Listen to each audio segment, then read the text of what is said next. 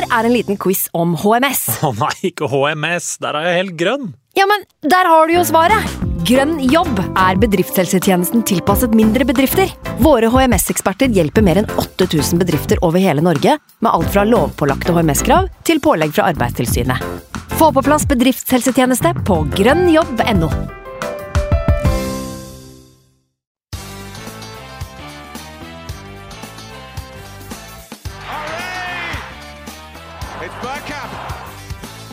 for grabs now! The next station is Arsenal. Signe Husfreden og hjertelig velkommen til en duggfrisk, utapa episode fra Arsenal Station. Med meg, Magnus Johansen. Simen Goffeng han er ikke med i dag, så eh, vi kommer tilbake til det. Eh, men det jeg tenker å si, det er jo vært pinse. Vi er, vi er ingen ivrige kirkegjengere her i poden. Men det er langhelg på forsommeren som vi nettopp har lagt bak oss. Det er deilig. Det er så deilig at vi gjerne innrømmer litt hykleri. Jeg håper at alle som hører på, har hatt en nydelig helg. Uansett om dere har knelt og folda hender, eller om dere har klippa gresset og snekra til ukristelige tider. Og apropos ukristelig, da, for det var jo Simen vi var inne på her. Han har tidsnød. Eh, han kan ikke delta i det hele tatt. og Derfor er det jeg som står øverst på prekestolen med glorie og ordførerkjede. Men fortvil ikke. Vi har en gjest. Vi har latt oss lede inn i fristelse og invitert en gjest som virkelig sogner til Arsenal-kirka, og kommer med kvalifisert preken på Twitter daglig. Det er en stor glede å introdusere dagens gjest, venn av Nanko Kanu og leder av Arsenal Kristiansand, Stian Børling. Velkommen, Stian. Du, tusen takk, og takk for invitasjonen. Det er veldig hyggelig å, å bli inkludert i en podkast som jeg er veldig fan av. Ja, det er hyggelig å høre da, Stian. Det, vi, vi, har jo vært heldige med at du alltid, helt siden vi starta det, har, har, har vært og lytta på. Jeg håper ikke jeg støta noen med, med introen her. Jeg tenkte jeg skulle si at du, du har vel en musikksmak og en uh, vannskap av og til på Twitter som for så vidt avslører at du ikke er dypt religiøs. Men jeg håper at det er fin, at det fin langhelg, at du er klar til å snakke litt Arsenal. Ja, ja. Alltid klar for å snakke Arsenal. Uh, Helga har vært veldig fin. Uh, har klart å nyte både sol og øl og, og litt fritidsaktiviteter. Og det er jo som du sier, jo, det er litt bannskap og det er musikkstil som tilsier at uh, jeg, er ikke, jeg er ikke veldig involvert i bibelbeltet her nede. Men si, det, det, er hver sin lyst, det. Du tar langhelga? Ja. Det, det, det tar jeg med glede. Det er godt å høre. Er, det er der vi er, jeg og Simen nå. Nå snakker jeg for Simen, men jeg er ganske sikker på at det stemmer. Vi, skal jo, vi har et lite program her i dag. Vi skal innom et visst møte med Nwanko Kanu på Løkka.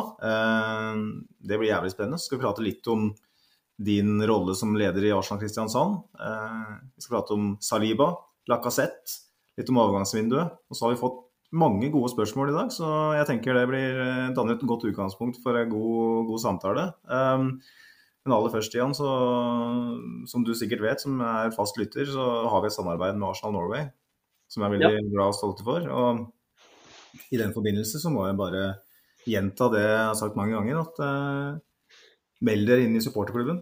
250 raske, det er uh, svært billig. Uh, da får du seks lettskrevne supporterbladet rett i postkassa. Du får um, mulighet til å kjøpe billige supportereffekter. Du får uh, mulighet til å søke på billetter på hjemmekamper, som ikke er enkelt om, dagen. Og du får um, ikke minst uh, muligheten til å delta på, delta på arrangement, som Simen var med på nå på lørdag, var det vel? Uh, på Snarøya. Da var det supportercup. Simen spilte vel da for Arsenal 1, som ikke gjorde det all verdens bra, men Arsenal 2 kom jo da til finalen. Um, mer om det kan vi ta når Simen er tilbake i neste episode. Men uh, jeg lovte Simen å kjøre en shout-out til Kristoffer uh, Haugland, som spilte på laget hans med nummer ti, Smith Roe, som er en fast lytter til poden. Uh, ikke Smith Roe, men han som uh, bærte drakta. det er kult om Smith Roe hadde hørt på, han hadde jo det.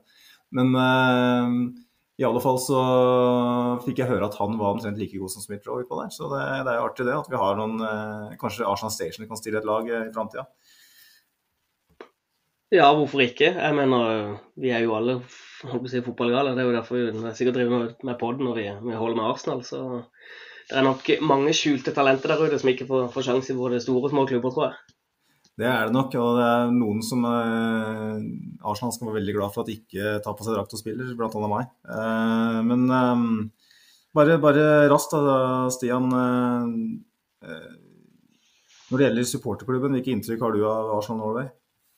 Nei, det, det er veldig bra. Eh, jeg har faktisk, må bare innrømme det, jeg har, jeg har bare vært medlem nylig igjen i kanskje halvannet til to år eller noe sånt. Jeg var medlem mange år før det, men så eh, Jeg vet ikke hvorfor ikke jeg var medlem, men jeg fant ut at det er jo på tide å vokse opp og støtte opp om eh, holdt på å si, Norges supporterklubb på Arsenal. I hvert fall når du hører at medlemstallene si, går under de litt lenger ned i gata. Det er jo ikke aktuelt. så det er riktig poeng. altså. Uh, nei, bra, veldig bra. Jeg har vært gøy å være med på liksom, De får møte Ødegård nede på Emirates der, og supportercup. Og, og det bladet der er jo helt fantastisk. Det, det sitter jeg klistra til hver gang det kommer i postkassa. Så jeg har egentlig bare, bare gode tanker og meninger om supporterklubbene. Det er alltid hyggelig å treffe gjengen som er bak òg i, i de kampene jeg har vært på over. og det er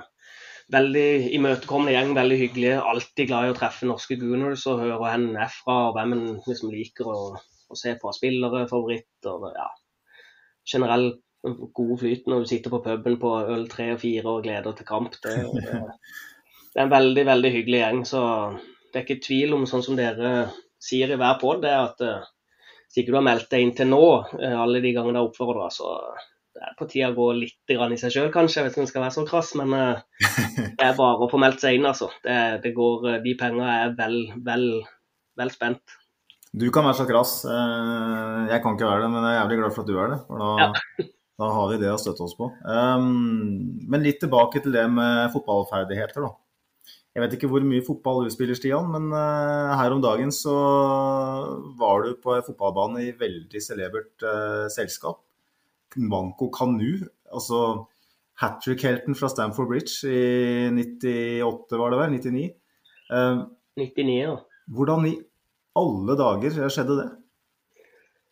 Du, det var ren tilfeldighet. Jeg visste han var på Sørlandet, eller skulle være på Sørlandet. For han, han var jo på Levermyr, som vi har, har sett litt bilder av. sånn, og Han har jo han har noen form for eh, sånn eh, akademi nede i Afrika som han prøver å få opp eh, unge talent til, til klubber i, i Norge bl.a. Og har da hatt sønnen sin her på, på Sørlandet til IK Start.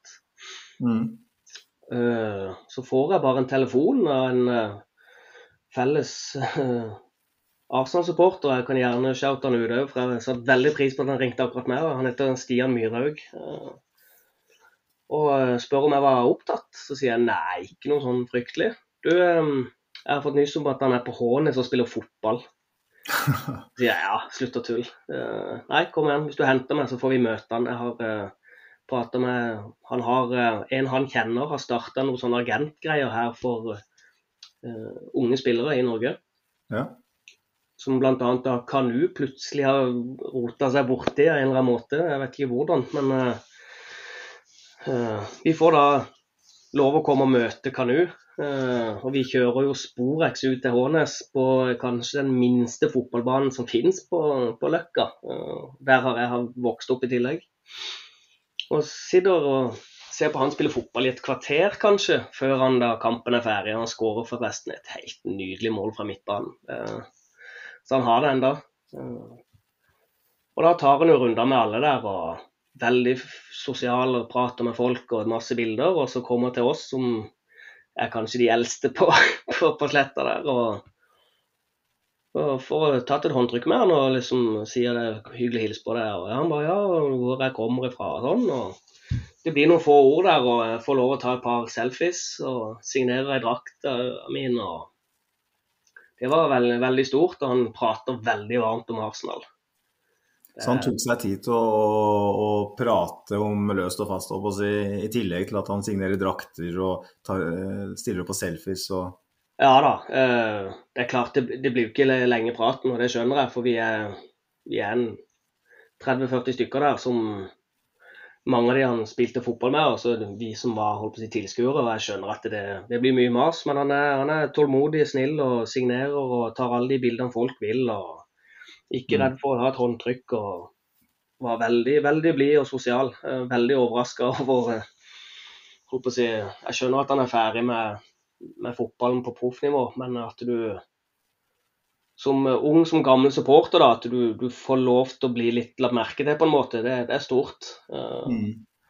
og det er klart, det er jo ikke vår største stjerne, men jeg har noen vanvittig gode minner med, med Kanu, altså. Det, det var stort. Ja, det skjønner jeg. Altså. Det, jeg har vel eh, Jo, jeg har så vidt uh, vært en halvmeter fra Thierry Henry, og da fikk jeg omtrent uh, blodtrykksfall og nesten så jeg måtte fraktes på båre ut av området. Men eh, en invincible, eh, og ikke en hvem som helst eller egentlig. da. Uh, Kanu lider jo litt av å være i skyggen av en del andre angrepsspillere fra den tida. Altså, han hadde en periode på noen måneder, spesielt rundt 99, hvor han var helt unplayable. Han var kanskje den beste spissen i ligaen. Eh, Ble vel kåra til årets spiller i Afrika, mener jeg. og Han var, han var helt enormt god. Og så eh, Ja, rett og slett falt han litt utafor et stup, eh, på sett og vis. Han var ikke Jeg så han ble, ble kåra til nummer 13 på den der avstemninga på Arsenal.com for eh, en del år siden, når det var eh, kåra tidenes Arsenal-spiller. Den er jo veldig prega av at det er en online stemmegivning. Og Alex James og Cliff Basin fra 30-tallet har jo ikke sjans, ikke sant. For det er ingen, ingen som har sett dem spille. Og, det, og de, som, de, som, liker Liam Brady og, og eh, Pat Jennings og, den, den, gjengen der, dem har heller ikke sjans, ikke. Det, blir, det er det nye. Men allikevel så sier det noe om hvor, hvilke stjerner han har hatt da, hos Arsenal-fansen når han kommer så høyt opp en sånn kåring. Ja, altså jeg tenker det, han, han var jo ei stjerne, holdt på å si, eller Vi fant jo fort ut at han var ei stjerne når han signerte for Arsenal i, i 98 og, og bare skårer for gøy. Uh, og Det er jo, det viser jo plass nummer 13 da, i dagens si, sosiale medieverden. Så, og du tenker liksom hvor mange spillere som vi egentlig snakker om under The Invincibles-perioden. Mm. Og nummer 13 er nesten litt overraska over at det kanskje er så høyt, men er definitivt fortjent. Eh, For det er for oss som er den generasjonen, da, vi driver med online-stemming og sånn, så, så, så blir det ofte de der nye da, som er på sosiale medier, de nye stjernene og sånn. og det, det, det er bare sånn det er blitt. Eh, Men eh, på de få årene så, så tror jeg han rørte noe med veldig mange supportere. Eh, Han var Mm. flyt på banen. En veldig rar løpestil, men han fløyt på banen. God teknisk, sterk. Jeg hadde en, eh, For noen uker siden så mm, hadde jeg den X-spillerspalta som eh, noen kjenner til, eh, som vi ofte har på slutten av episoder, så tok jeg for meg Kanu. eh, Til helt tilfeldig. Jeg var jo ikke klar over at han skulle flø rundt på Løkka på Sørlandet eh, om noen uker etterpå. Sånn sett burde jeg ha spart den. Men eh, da gjorde jeg liksom litt research, og, eh, for det er jo ikke alt man husker. Det er jo ja, det er jo over 20 år siden, eh, og, vel så det. Eh, Sånn at For mange som hører på poden, så er jo Kanu bare et, et navn og en noen sjuke YouTube-klipp. For oss som opplevde det, så var jo han helt enorm. Og med tanke på bakteppet der med hjerteproblemer og Han var vel i Italia i et par sesonger der inntil hvor han ikke fikk spille, og karrieren så ut til å bare fisle ut i ingenting. Eh, Og så er jo Wenger den klassiske fyren som gir en sjanse til sånne typer, da. Og så Det var liksom ikke snakk om at eh, som du var inne på, Det var ikke snakk om han brukte liksom eh, månedsvis på å komme seg matchfit og i form. Han, han, han starta jo voldsomt godt. Og bare, Det var liksom første halvannet året kanskje hvor han var på topp i Arsenal. Den perioden, den, eh, da, var det, da var det sånn at det var, liksom, det var Henry, Berkamp og Kanu. Så var folk snakka om at Kanu var den beste av dem på det tidspunktet. da. Ja, og det jeg i hvert fall selv kan huske fra den tida, så var liksom Ja, jeg husker jo selvfølgelig Henry. Det er jo eh, min all time favorite player til, til Arsenal. eh, Fordi jeg vokste opp i, i den generasjonen med bare 36 år. Så Mm. Men eh, Kanu, det var, det var stort, altså. Spesielt det hat tricket som in- introduserer spilleren. Jeg håper å si mot Chelsea. Med Can you believe it? Og spesielt målet mot Tottenham, der han bare dipper han over seg og rundt og bare setter det. Det, det er klasse fra, fra ende til annen. Og det, det er gøy å se at han fortsatt prater varmt om Arsenal, for det er jo ikke jeg håper si, det er jo ikke alle spillere som gjør det når de, når de forlater eh, fotballaget, at de alltid er varme i, i hjertet mot en, en klubb. Men eh, Mm. han er veldig, veldig positiv til Arsenal og ønsker at vi skal nå toppen igjen og være det største laget i Premier League. Så Ja, nei, altså eh, det, er, det er som du sier, det er ganske mange av de der som har tatt seg betalte jobber for å, å skulle være eh, ob- mer objektive, og så fordi at det selger mer, eh, så, så blir de kanskje i overkant negative til, til det Arsenal holder på med. Og det har jo vært god grunn til å være negativ òg, i flere år egentlig. Men du trenger ikke at de største legendene på en måte bare strør et trillebårlass med salt i det åpne såret. Eh, Det hjelper ikke, liksom. Og da er det så jævlig viktig å ha sånne typer som Kanu, da, som du ser at han er så oppriktig takknemlig for å ha vært en del av Arsenal. Altså, jeg var jo på den der testimonial-kampen til eh, Dennis Bergkamp i 2006. Da skåra jo han eh, vinnermålet, kan du si, mot, mot det Ajax-laget. Eh, og fyren sto jo Han gråt jo når han skåra. Altså, det, var ikke så lett å se, men altså, du så det på ansiktsuttrykket at der, der kom det tårer, altså. Eh, sånn han var bare så takknemlig for å være en del av den gjengen der. Og det, det tyder jo på at han fortsatt er det. da. Ja, absolutt. Og jeg tenker der, og det har jo Arteta vært soleklar på, at han ønsker å få inn sånne spillere, om det er bare til sånn si, supportermøter og sånn, men altså X-spillere som ønsker oss godt, de er hjertelig velkommen. Og jeg tenker at Teta må Mm. bare få nummer til Kanu og få han inn, for det Jeg tror han kan eh, skape mye nye supportere som er unge og, og på, lett påvirkelige, holdt på å si. Og få treffe sånne som er så blide og glade. Det er, det er bare å få de inn i systemet og inn, ned til akademispillerne og, og vise seg Mm. fram litt. Jeg tror det hadde vært veldig bra. altså. Du ser de største klubbene, de, de lener seg på legendene. Eh, Du ser det i Bayern f.eks., som har hatt en veldig suksessfull oppskrift. og det er klart Man, man kan overdrive det, men eh, jeg tror det er viktig å ha noen. Jeg, ser, jeg syns jo at Arsenal har gjort det med Mertesaker eh, og Arteta. Selv om de kanskje ikke er legender på det viset som eh, noen av de i Bayern og sånn er, så er det jo noe med at det trenger de heller ikke å være. Det, det handler om at du har personer som har vært i Arsenal-systemet, og som kjenner klubben og, og har hatt et ansvar der tidligere. Um, jeg tenker før vi, før vi går videre, Stian, så Jeg tenker sånn favoritt-Kanu-øyeblikk, det var vel du allerede nevnt eh, mot Chelsea, det er vel det. Men jeg har lyst til å nevne et øyeblikk til. Jeg vet ikke om du husker det?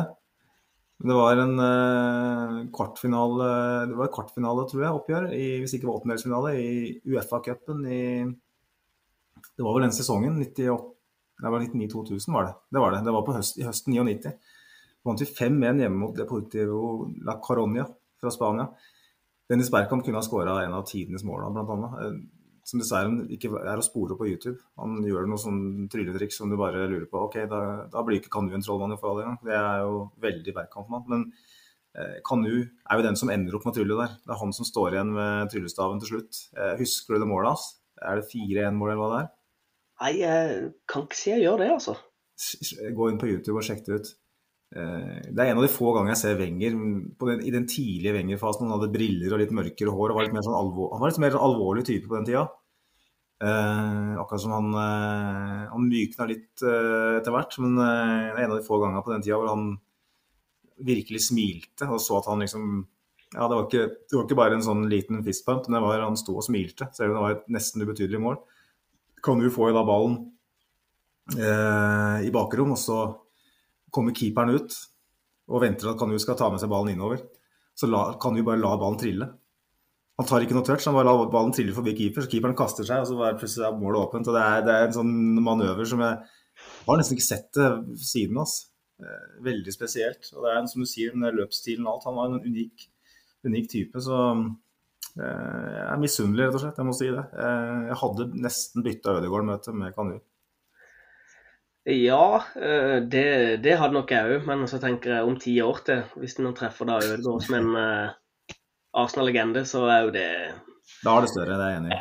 Ja. eh, nei, det var, det var stort. Jeg ble, tolv ble 12 år igjen, altså. Jeg gjorde det.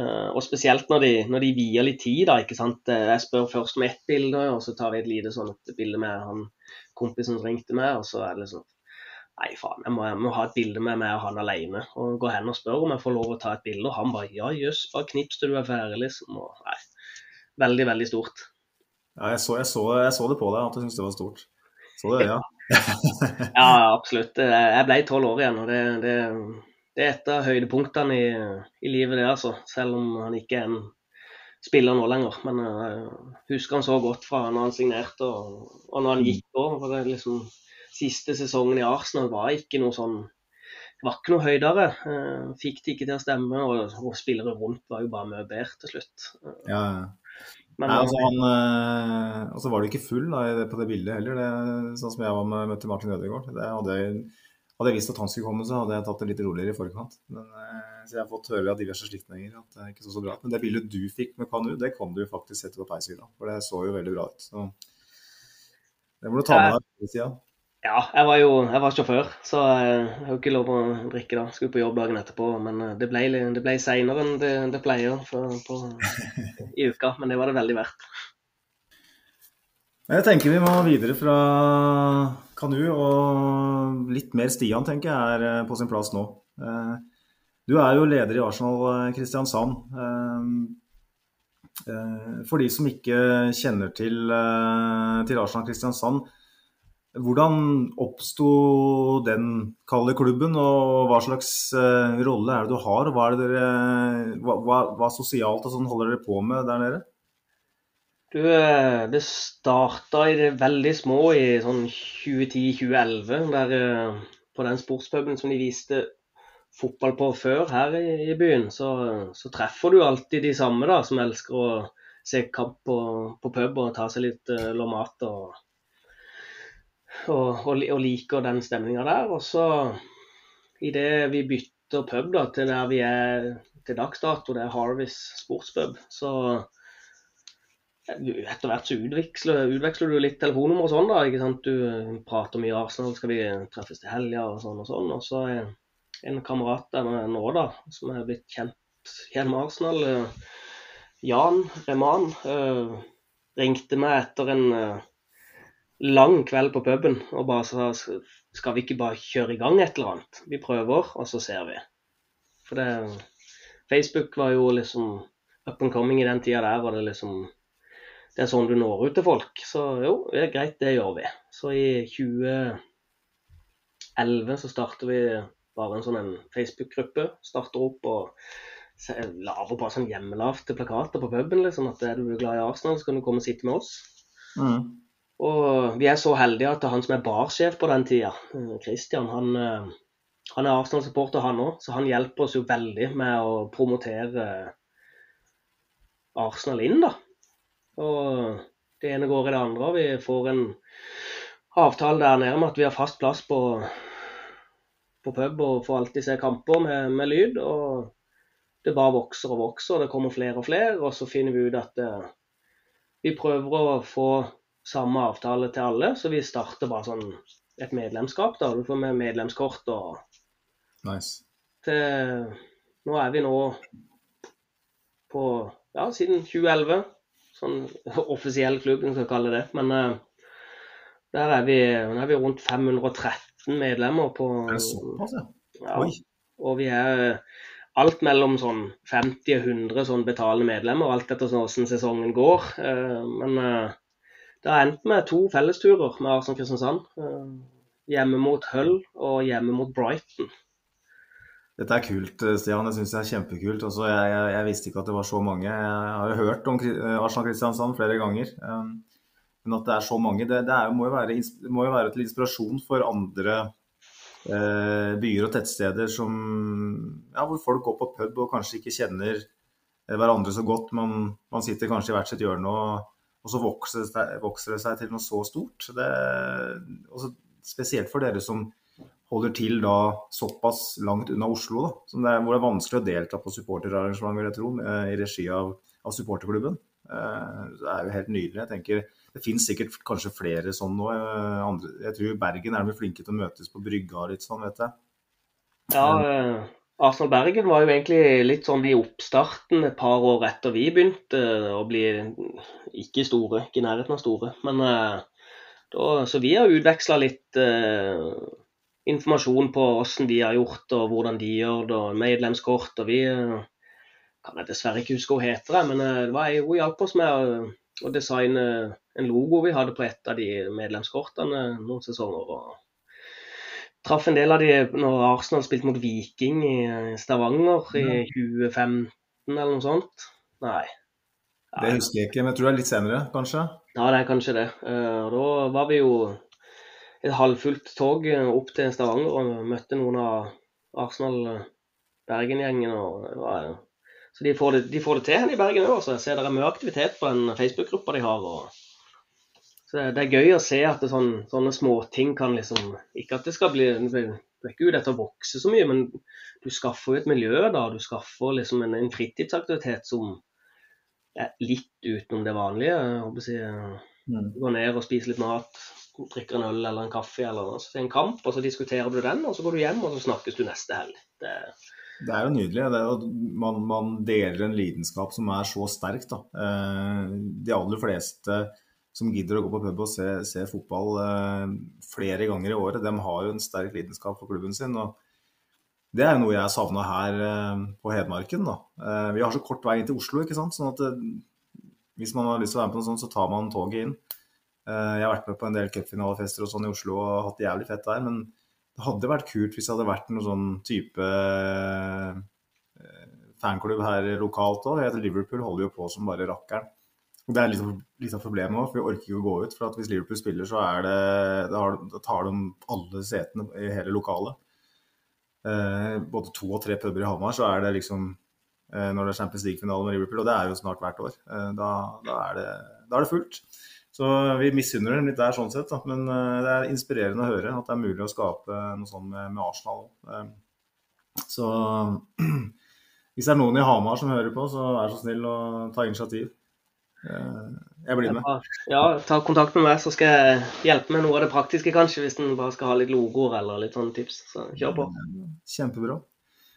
Nei, men du gjør en forbilledlig innsats, det er ikke tvil om. Og jeg tenker at um, vi kan gå litt videre. Det folk uh, er mest interessert i som regel av de som hører på poden her, og jeg vil jo si at det vi snakker om først er kanskje mest interessant, fordi at det er litt uvanlig og litt mer uh, nytenkende i, i, så måte. Men uh, vi må snakke litt om Arsenal òg, på det som er Arsenal akkurat nå. Um, det er jo off-season. Det er to uker nå siden sesongen var over. Um, før vi går, på, går, løs på de mest aktuelle temaene, Stian. Um, hvordan uh, Har du på en måte Jeg vet at du som alle andre var skuffa etter, uh, etter sesongavslutningen. Uh, hvordan føler du nå? Hvordan liksom, Har du klart å legge det bak deg og tenke at Arsenal faktisk er i en ganske ålreit posisjon, eller er det fortsatt sånn at du gnager på det derre Ah, tenk om det hadde blitt topp fire. Eh, litt sånn eh, fra dag til dag, nesten. Eh, men når jeg liksom er liksom så jeg når, Hvis du tenker på ja, det, det, er surt når det ryker mot Newcastle der, og, og vi taper mot Tottenham. og det, Da kjenner du at jeg tror egentlig det ble litt for mye for de unge gutta. og Det, det glemmer vi sykt fort. At det, det unge laget vi har spilt med i Premier League i år, er jeg syns de har gjort en, eh, en, bra jobb etter de, de tre første rundene, som, som dere hadde snakka om før. at Da var det jo nedrykk, og det var jo ikke Det var jo dommedagsprofetier. og Jeg var jo ikke fornøyd sjøl, men uh, jeg syns vi glemmer utrolig fort at uh, Saka, Smith, Rowe, Ødegaard Lokonga, Tavares, Tomiashu, altså Gabriel White. Ja, egentlig alle utenom Lacassette og, og Sjaka, liksom. Så, så, det er så unge gutter, da. Så, um, så, før sesongen begynte, så tenkte jeg hvis vi klarer Europaligaen, så Jeg vil ikke kalle det en suksess, men det, det må være et mål, da. Uh, å komme inn i i alle fall i Europaligaen, for denne Conference League, det, det, kan vi bare droppe, altså. Um, men uh, sånn alt i alt så tålelig fornøyd, altså. For, mm. Jeg er jo veldig spent på hva vi, hva vi gjør i sommer. Det er jo mye rykter. Så vi må nok snart tenke på at minimum er topp fire. Ja, ja. Og det er jo litt sånn at eh, nå som man går inn i overgangsvinduet, så, så ser man eh, linker til noen navn som man kanskje tenker at ville vært mulig med Champions League. Eh, mens nå eh, ja, i, i, større grad må vi ta hensyn til at vi er et europaligalag. Det handler kanskje ikke mest om økonomi, men kanskje mest om evne å tiltrekke seg sånne navn. Da. Det er en type som Frenkie de Jong f.eks., noe som er Barcelona et, etter sigende skal være interessert i å kvitte seg med pga. Eh, økonomi. og han, han, vil ikke til Manchester United egentlig for at de ikke har Champions League-fotball å tilby. ikke sant? Så da tenker du åh, det er et sånt tog man har lyst til å kaste seg på, men som kanskje gikk da, med, med det. Men øh, øh, hvis du skal oppsummere sesongen, da, altså, Vi, vi har allerede for så vidt gjort det, men øh, syns du at, øh, at klubben kan være bekjent av det, at Arteta kan være bekjent av det, selv om det kollapsa såpass øh, ille som det gjorde? For det var jo en kollaps, man må jo kunne si det. Ja, det er, det er kollaps. Det og noe annet er vel egentlig å lyve for seg sjøl. Eh, ja, jeg syns, uh, jeg syns ikke vi skal gå ut og slå oss på brystet, men måten sesongen starter på, og med alt av den sykdom og skader vi har og Vi går en lang periode der vi vinner kamp og kamp og kamp, og vi taper vel ikke på en sånn 12-14 kamper eller noe mm. i verdens tøffeste liga. Så jeg tenker nå, nå, nå, må vi begynne å bygge stein for stein. og Da er Europaligaen nå, og så får vi bygge oss inn i Champions League. og Så får vi prøve å tiltrekke oss litt bedre navn, og så må vi gå for Premier League. Mm. om det, det, skjer om de neste to til tre årene, det er jo vanskelig å si. da. Vi må være ekstremt smarte på markedet, tror jeg. For det er klubber rundt oss nå som har utømmelige mengder med, med penger. og Financial Fair Play ser jo ikke ut til å fungere i det hele tatt. Nei. Så, så her, vi, er, vi, er, nødt til å være smarte, og det syns jeg vi var når vi har henta Tomiyasu og White og Tavares, uh, Lokonga. Uh, noen av de har nok ikke bevist ordentlig ennå, men uh, det er fortsatt unge spillere, så jeg, jeg, tror dypt på at vi, vi, er, vi er, på riktig vei. Jeg gleder meg til mm. sesongen igjen. Ja, det er jo deilig. Det er ikke så lenge til heller, for vi starter jo tidlig. Men, eh, men det, jeg syns det er interessant å snakke litt om, om forventninger. for at eh, Du nevner overgangsvinduet i fjor som var det var en femmer på terningen eh, i alle fall. Sekser vil jeg ikke gi, for det, det, kan man ikke gjøre når man ikke klarer topp fire osv. Men det var kjempe, et kjempegodt vindu. Men man må jo nesten fortsette å gjøre det år etter år etter år nå, for, fordi at du må alt nesten være perfekt hvis du skal være i nærheten av å kjempe om, om gullet. Eh, Liverpool har jo vært tilnærmet perfekt. Altså det de har fått til, det er Legg eh, følelser for Liverpool til side. Da. For en utrolig jobb de har gjort for å komme dit de er. Um, og det er liksom det urealistisk å tenke at man skal få til noe som er så bra. Man tenker på at man kan få til noe som er litt i nærheten av det, så er det fantastisk. Men litt i nærheten av det, det er jo tredjeplass. Eh, må vi som Goonere, i alle fall så lenge Pep og Klopp er i, i henholdsvis City og Liverpool, må vi nesten prøve å, å, justere litt den forventningen vi har til hva suksess er. Og så må vi på en måte nesten feire en tredje-fjerdeplass som om ikke som en ligatittel, for det kan man ikke gjøre, men, men, at man tenker at bedre enn det her per nå kan vi ikke forvente. Eh, og det er jo oljepenger og blodpenger og alt sånt inne i bildet. sånn at det er urealistisk eh, i mine øyne at Arsenal skal være med å kjempe om en Premier League-tittel de neste tre-fire sesongene. Eh, selv om man bygger stein som stein og har mange gode vinduer. hvordan tenker du rundt det? Nei, jeg tror nok du er litt inne på det. Vi inkludert meg sjøl, så prøver jeg jo just, altså, Jeg har jo lyst til at Arsenal skal vinne neste sesong, Premier League, men jeg forstår jo at det, det er jo ikke en umulig oppgave, men den blir i hvert fall ekstremt tøff. Eh, men eh, vi må nok for, Jeg tror ikke vi kan forvente noe mer enn tredje-fjerdeplass altså de neste årene. Eh, og det går jo på det jo Liverpool har en litt aldrende tropp, da. Men de viser seg at de finner jo spillere likevel i han Diaz ja. som bare har tatt Premier League med storm. Uh, og at Klarer de finner finne sånne juveler hele tida, så, så, er det utrolig vanskelig å ta det igjen. Mm. City har penger til å bare fornye hele tida, så vi må nesten håpe på en litt sånn Leicester-sesong for å vinne Premier League for øyeblikket. Uh, så de neste to, tre, fire vinduene må vi være ekstremt smarte. Uh, mm. For vi har ikke penger til å, å, kaste 100 millioner etter Jack Reelish eller Kane eller hvem det måtte være. Men uh... Er det gøy med Kane, da? ja, absolutt. Uh, Men ja, snakk, om, ja, snakk om aldrende tropp, så har vel han kanskje han er vel i ferd med å ikke, kanskje ikke råtne bort i Tottenham, men han burde nok ha forlatt den skuta for en sesong eller to siden. Burde kanskje lære seg noe der og ta seg en sesong i en ordentlig klubb. Ja. Nei, litt sånn Jo, tredje-fjerdeplass de neste sesongene nå bør vi forvente òg. For klubber som Chelsea tror jeg kommer til å få det litt tøft økonomisk med det utrolig dyre oppkjøpet. United må jo bruke ekstremt mye penger, der er det mye rot.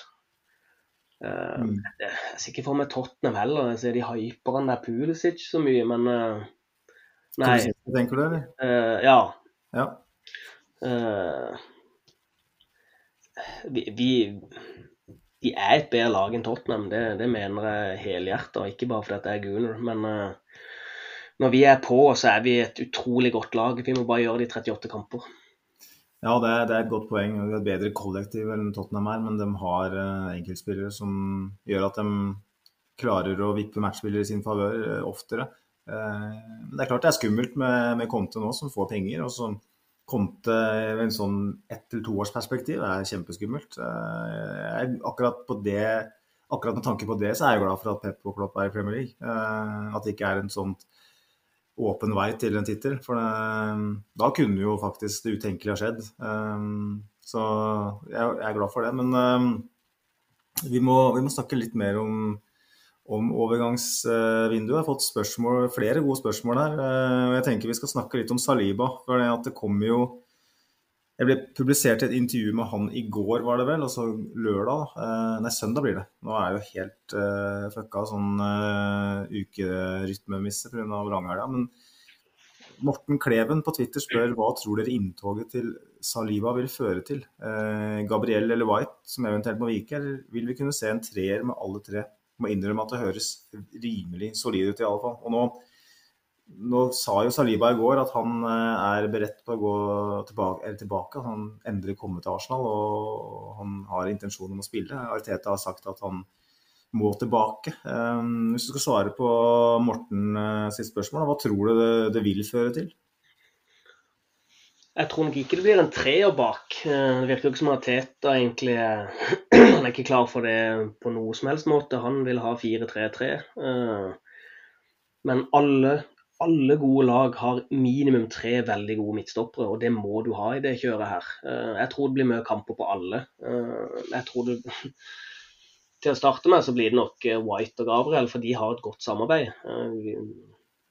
Saliba kan ikke komme inn og forvente at han skal spille fra første avspark. Eh, selv om han har hatt en fantastisk sesong i ligaen. Men eh, det, de få kampene jeg har sett med han, så han ser sterk ut, altså. Jeg tenker uh, kanskje han og Gabriel er, er fremtida som de som kanskje skal ha mest spilletid. Men uh, det, det, er langt opp til Premier League, altså. Uh, og de tre må vi ha for å holde oss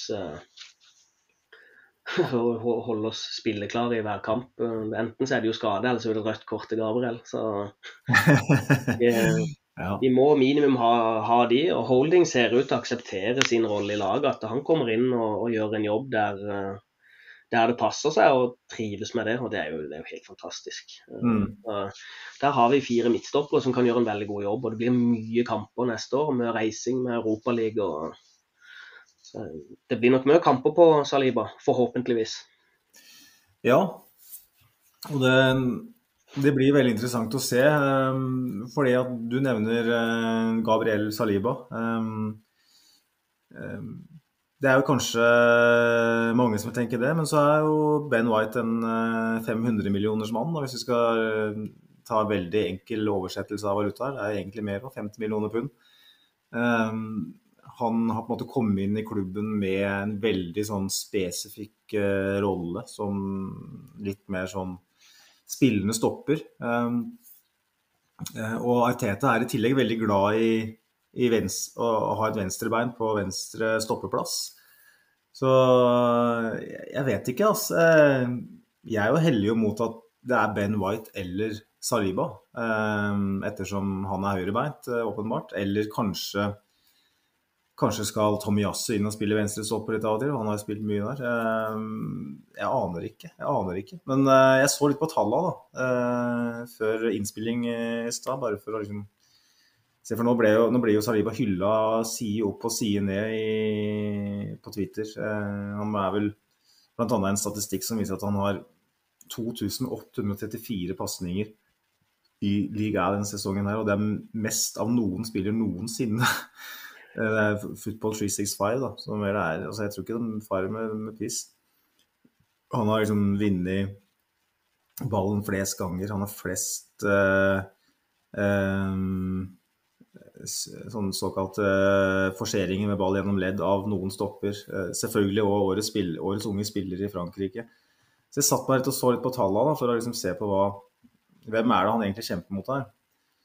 For at Ben White blir jo framstilt som en spiller som har sine aller beste egenskaper med å ta med seg ball gjennom ledd og skape ubalanse, skape overtall. og det er jo Spesielt første halve sesongen som, som, var, så gjorde han det veldig bra. Han hadde 0,3 eh, forseringer per kamp i Premier League. Saliba hadde 0,9 i, i liga. Nå er det selvfølgelig liga, det er et annet nivå, men det er fortsatt helt sjuke tall. Eh, Pasninger per kamp for Saliba var 84, eh, mens White var 56. Eh, mens treffprosent for Saliba var 93, treffprosent for White var 84. Eh, så det er liksom sånn Man tenker, ser jo på en måte for seg at, at de tallene tyder på at, eh, at Saliba har mye av det som vi på en måte forbinder med Ben White. Da, de styrkene Ben White har. og så er de veldig like når det gjelder sånn interceptions, da, som òg er en sånn Eller ballbrudd, for så vidt. Det er 1,3 per match for begge to. Og nå spiller White i Premier League, selvfølgelig, og Saliba i Frankrike, så det, det blir kanskje ikke helt sammenlignbart. Men det, han, han, matcher den jo der òg, på sett og vis. Hodedueller òg, så den, ligger de likt. Da. og Det er kanskje litt overraskende med tanke på høyden til Saliba. Den ligger på 1,3 per match. Hvis man ser på Gabriel, der han er bedre enn de, de, andre, er jo da på hodedueller. Han har vel 1,6 per match, det er ikke noe sånn voldsomt. Men han ligger foran på, på, på interceptions. Eh, med 0,4. Eh, sånn at eh, ja, Det er sånn naturlig å tenke at ferdighetsregisteret til Saliba, i hvert fall det han har spilt, vist i år, da, passer mer, matcher mer enn White. Så ta ut, altså Han er ikke så duellsterk tross størrelsen sin, og det har jeg hørt flere har sagt. Jeg har nesten aldri sett den spille, så jeg kan ikke uttale meg sånn sett. Øyetesten har jeg ikke. Men de fleste, altså, de fleste, sier at han er ikke så sterk i feltet, Saliba, som det mange tror han er, på, størrelse, eh, på tross av størrelse og alt sånt. Han har alt, absolutt alt det andre. Og da tenker jeg at du tar ikke Gabriel ut av det forsvaret her hvis Saliba ikke er eh, på en måte en konge i, i boksen. Um, så da er det òg litt rart å bruke 50 millioner pund på Ben White da, hvis Saliba skal inn. fordi at jeg tenker ok, du kan hente en på hylla under, og du sier jo veldig godt du må ha tre gode stoppere, men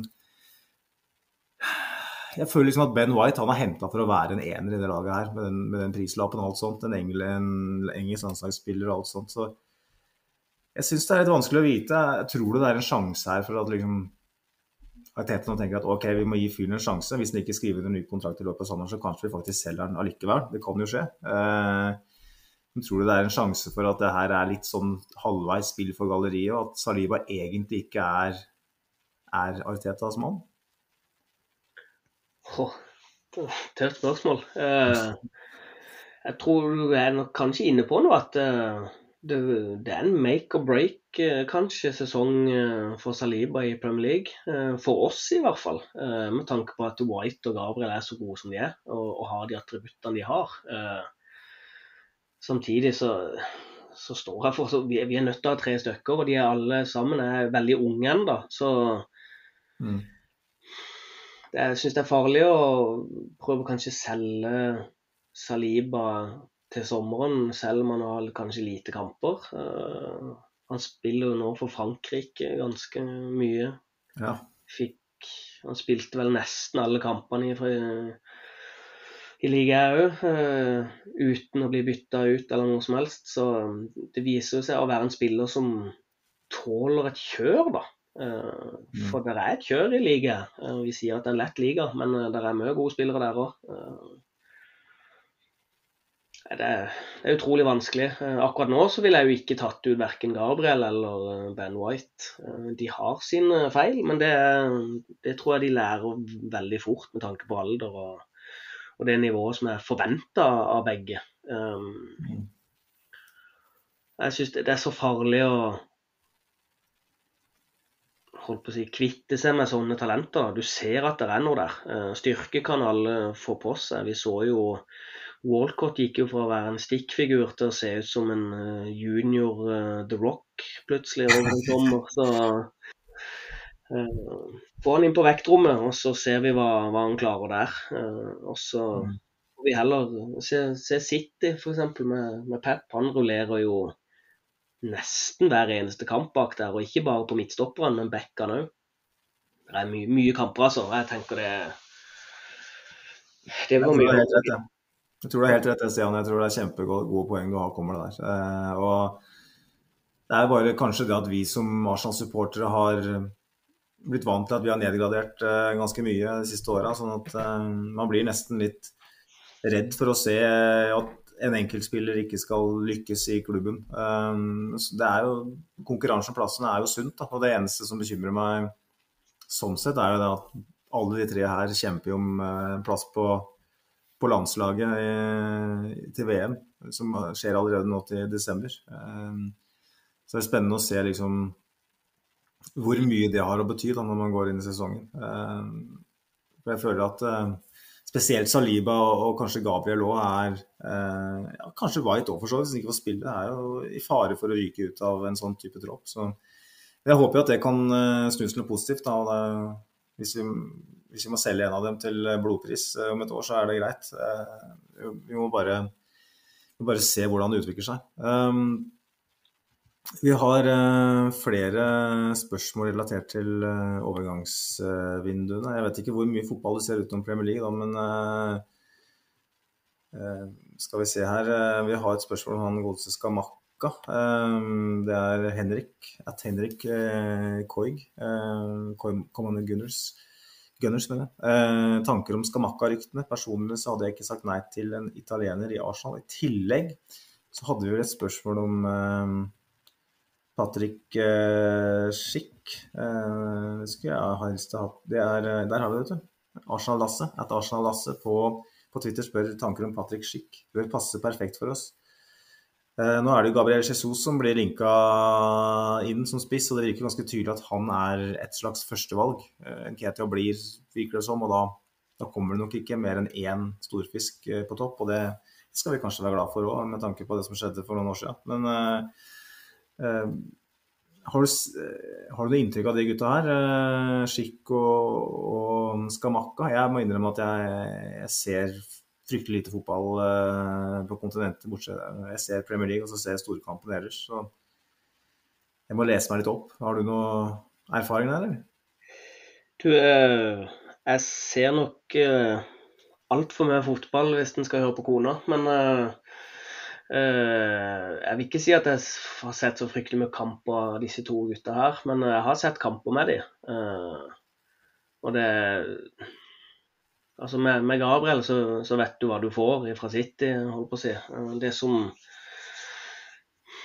jeg vil ikke si bekymrer meg, for jeg tror vi klarer å spille oss til mål uansett. Men vi, vi er nødt til å ha en, en tårnspiss der oppe, og det er ikke Gabriel Jesus, altså. Uh, vi må ha flere kort å spille på. Og begge de to gutta som vi blir spurt om der, er jo 1,91 og 1,95 i tillegg til å være lynraske. Så uh, jeg tror vi, vi, vi burde hatt et sånt kort til. Og med tanke på at de er ganske unge. Han, han Slekk han er vel Skikk, han er vel 26 eller noe sånt, så det er jo helt perfekt. Mm. Og kanskje ikke vil koste all verdens heller, selv om de er unge og up and coming. Det som er litt bekymringsverdig med egentlig alle de tre, er jo at det er jo en del skadehistorikk. Ja. Uh, han uh, Skamakka han var vel vekke 112 dager i denne sesongen som var nå. Uh, 2020-2021-sesongen Ja. med diverse skader. Uh, og det åh, Jeg er så lei av å få inn spillere som bare skal sitte på legekontoret til Arsenal og sope inn penger. altså. Det vi, det uansett hvor gode de er, vi er nødt Vi må fikse de der småskadene og, og dette. Gabriel ser jo for så vidt ut til å takle Premier League godt, han, men han har sin historikk, han òg.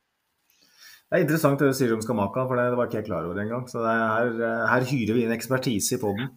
Kjempe, kjempespennende å høre om. Eh, Jeg tenker jo Patrick Schick han skrev vel under en ny avtale med Leverkosten den sommeren her, så mm, jeg er litt usikker på hvor lett det er å prise han eh, bort derfra. Han skåra vel Han hadde vel flere mål enn Haaland i, i Tyskland i fjor. Da var jo Haaland ute en del, selvfølgelig, da. men det var vel kun Lewandowski foran. Han skårer noe spinnere, sånn 7-28 mål hva det var for noe for Leverkosen. Um, så har han høyden, han har, som du sier, han har fysikken, farten. Uh, virker ganske allsidig avslutningsmessig òg, det jeg har sett han. Så profilen hans er kanskje mer interessant enn en eh, Gabriel Jesus. Um, eh, Skamakka har jeg knapt sett, da, så um, bare ute på Italia. Sånn at um, Jeg har bare sett på YouTube, og så har jeg lest litt. Men eh, litt, litt spennende personlighet, kanskje. Eh, jeg har lest litt om det. og både bestefaren og faren hans har noen vo- voldsomme voldsepisoder Ikke voldsepisoder, sånne kriminelle episoder. Det var vel faren hans som, eh, når han spilte i Roma, eller på lån, eller hva det var, jeg husker ikke helt hva det var, så hadde han gått løs på alle biler med balltre og sånn der. Jeg var forbanna. Så litt, og han ser jo, han fyren ser jo litt sånn eh, Han ser ut som en type, så man skal ikke dømme basert på eh, foreldrene og sånn også, men jeg er litt spent på hva slags type han egentlig er. Um, og så er det jo alltid der med, med italienere, da. Vil de uh, forlate redet? Det, det virker vanskelig. Så det er klart, det, det som tar det for en Skamakka sånn sett, da, i den grad det er noe i det, for Arsenal virker å være den klubben italienske journalister bruker mest for å skape blest rundt klientene sine. Locatelli, Vlavic, bare for å nevne et par. Um, men er liksom man, altså Juventus henta Vlavic i januar. Han, han går jo ikke dit da, det var veldig rart. Uh, Inter ser ut til å gå for Lukaku. Så får vi se om det faktisk ordner seg. Da. Uh, og så har du i, i, i Milan så henter de Origi nå. De har Giroud. Uh, Leao er vel fortsatt der, så jeg er litt sånn usikker på om det er noe aktuelt, egentlig. Eh, og da står du kanskje igjen med Roma, da, hvis Tammy Abraham skulle, skulle gå, eller noe sånt. Men det er kanskje ikke så mange muligheter, da. Så han vil jo få for en ganske ok pris. Eh, Sassolo vil, eh, tror jeg nok vil takke gladelig ja takk til en 400-500 mil for, for en eh, Skamakka. Så. Det blir spennende å se, men jeg tror nok at det blir Jesus. Jeg vil veldig bli overraska om det blir noen andre. Men det er jo deilig med overgangsvindu å kunne drømme litt, da. Og mm, jeg tenker vi, vi har en del linker til Serie A nå. Aaron Hickey er nevnt. Uh, Osimen er nevnt. Vi skal se hva vi kan få til om vi får, på plass en eller annen Serie A-ekspert her i løpet av sommeren. Og snakke litt om det, For jeg, jeg, jeg kan ikke si noe kvalifisert, så da blir det dumt å prøve å si det òg. Um, ellers så På utgående så skjer det jo litt nå, da. Uh, Lacassette har uh, vinka farvel. Uh, skal vi tilbake til Lyon. Uh, er jo offisielt at han forlater Arsenal nå. Um, jeg tror vi for så vidt de fleste av oss syns det er greit. Uh, Selv om han hadde en ganske ok sesong, syns jeg, sånn overall. uh, Så var det jo tydelig på slutten at han er ikke den spydspissen vi trenger. Eh, Men hvis du skal se tilbake på Lacassette sin Arsenal-karriere, da, 50 millioner pund eller hva det var i 2017, hvis ikke jeg tar feil. Eh, Kom inn der som Wenger sin eh, første store spisssigneringen etter van Persie forsvant til United. Det hvordan vil du oppsummere Lacassette sin karriere? Hvordan vil du oppsummere det? Ja, Terningkast fire, kanskje. Uh, jeg tror Når han signerte for Arsenal, så, så kunne du lett se på, på tallene at han var aldri den som skårte veldig mye mål jevnt, men han har perioder, da. Eh, og det har han jo egentlig hatt i hele Arsenal-karrieren sin. Eh, nå viser vel tallene at han har vel nesten et målpoeng hver tredje kamp, så skal liksom ikke være så misfornøyd med det heller. Men uh, når du liksom skal ha han som your main man, så forventer du at det skal være nesten annenhver kamp eller en hver halvannen kamp. At det skal være et målpoeng inni. På sitt aller beste så er han jo med rygg vendt mot mål, og er jo en av de bedre vi har hatt på lenge. Uh, men han har rett og slett ikke helt de killerinstinktet som vi kanskje har hatt behov for. Og jeg tror eh, Han var jo veldig god mot eh, en periode for oss denne sesongen, eh, men jeg tror eh, det forsvant fort når Teta rett og slett hadde gitt beskjed om at eh, det blir ikke kontrakt videre. og da tror jeg Piffen gikk ut av og det er veldig forståelig. Eh, Mm. Han er midt i sin prime og trenger sin siste store kontrakt. så men eh, jeg syns vi skal se tilbake som Lacassette som en, eh, som en god, god spiss. Og virker som å være en bra ambassadør for klubben òg. Han har ikke et vondt ord å si om verken spillere, trenere, klubb, fans. Det er nok en fyr vi kommer til å se på på samme måte som Podolsky på, på sosiale medier. Det er alltid noe med Arsenal. Så Mm. Nei, jeg det, absolutt ikke noe Har ikke noe vondt, uh, vondt å si om Lacassette, men uh, jeg var ikke kjempelei meg når, når det ble offisielt at han forlater. Nei, for det, når, jeg skal, når jeg tenker tilbake på Lacassette, så, så er jeg enig med deg at han har vært en veldig god ambassadør. Eh, Jeg, synes, jeg var veldig imponert over måten han taklet den Auba-sagaen. Altså Det er liksom bestekompisen hans i klubben, og, det er åpen konflikt mellom han og manager. Og så, så tar han kapteinspinn og jobber hardere enn noen gang og virkelig går foran i krigen. Det syns jeg var stort. Um, samtidig så så mener jeg jo at Lacassette på sett og vis er et slags bomkjøp fordi at, fordi at henta Aubameyang seks måneder senere. Det kommer jeg aldri til å forstå. Uh, det er klart det var mye utskiftning i styre og stell i Arsenal på den tida. Sånn at uh, Mislintat uh, og Sanjei og co. skulle inn og på en måte uh, Hva skal jeg si, da? Uh, sette av et fotavtrykk der og vise at uh, dem er sjef. Eh, jeg er ganske sikker på at Wenger ikke hadde veldig mye å gjøre med den Nava-overgangen. Eh, jeg sier ikke at han ikke ville ha den, men eh, det var så ulikt Wenger. Og da plutselig hente to spisser til den, de summene den gangen. Så da er på en måte spørsmålet var Aubameyang tilgjengelig i den sommeren. I så fall måtte vi lagt 100-150 millioner ekstra på for å få den. Da mener jeg da burde vi ha gjort det. eh, I stedet for å, å gå for en mellomløsning. For jeg føler at Lacassette var aldri Wenger sitt førstevalg. For han var tilgjengelig år etter år etter år, ble linka til Arsenal gang på gang. Men Wenger han trykte aldri på den avtrekkeren. Skjedde ikke. Så jeg var sikker på at det kom alle til å skje. Og så var det, det var et press fra omgivelsene om at nå må Arsenal hente en ordentlig spiss. Um, og når Lacassette kom, tenkte vi at yes, han skåra vel etter eh, 30 sekunder. Sånn, og så var det sånn her, yes, nå har vi endelig fått på plass den spissen. Men um, jeg vet ikke om det er enig, Stian, men eh, det Arsenal burde ha gjort, var jo Og det, det er lett å være etterpåklok, men eh, det er åpenbart at Wenger ikke var helt sikker på det. Uh, Lacassette bra spiss, men ikke 50 millioner pund. Eh, man hadde Giroud, eh, som på en måte bød på noe helt annet. Man burde ha hatt en tydeligere og bedre plan, for planen var helt idiotisk når man bruker så mye penger på to spisser som da skal kjempe om en posisjon, når man ikke har brukt penger på spiss på så lenge. Men man burde kanskje da ha eh, hatt litt is i magen, eventuelt lagt litt mer penger på bordet for en Aubameyang, hvis det var planen. Det tror jeg ikke, for det var ikke så mye plan bak det som skjedde. Eh, og kanskje da, hvis man var heldig, beholdt Giroud og hatt en Alba Giroud-link, eh, eller kombinasjon, eh, i stedet for å sitte med to spisser som de kan spille sammen, de kunne spille sammen, ja, men i en veldig spesifikk formasjon. Men ellers så sitter de med to dyreste spillerne som egentlig kjemper mot hverandre. Jeg syns det var Ja, det det er ikke, ikke Lacassette sin feil, og jeg har veldig respekt for han, men jeg, jeg føler at det ble veldig feil. At man henta begge de to. Eh, det, det mener jeg at de burde kanskje vært så sterke i januar at de kanskje burde de ha gitt faen i å hente Aubameyang òg. Eh, og heller brukt de pengene andre steder. Og gitt Lacassette den sjansen. Men klart, det er jo litt, for å bruke et, eh, et norsk begrep, kastrerende for Lacassette òg. Kommer inn som storsigneringen, og så går det, går det fem måneder, så går det med å nesten erstatte ham på, på et vis. Ja, det, hadde jeg vært spist da, så hadde jeg nesten bedt om å bare Hva, hva, hva skjer her? Uh, samtidig så jeg er nok enig med deg. Jeg tror kanskje ikke det var Wenger sin avgjørelse å hente Auba. Samtidig som at han både i Dortmund og for oss så skårte han mye mål på venstresida der. Mm. Uh, og, og, ga en dimensjon der i sammen med Lacassette. Uh, men uh, nei. det smarte sånn i etterpåklokskapens navn hadde nok vært å heller brukt 30-40 millioner mer på Auba istedenfor å hente Lacassette først. Mm. Men og, og, tilgjengelig han var, og rett og slett var Wenger interessert. veldig usikker. det har, vært, har, nok vært mye rot på det bakrommet i den perioden der.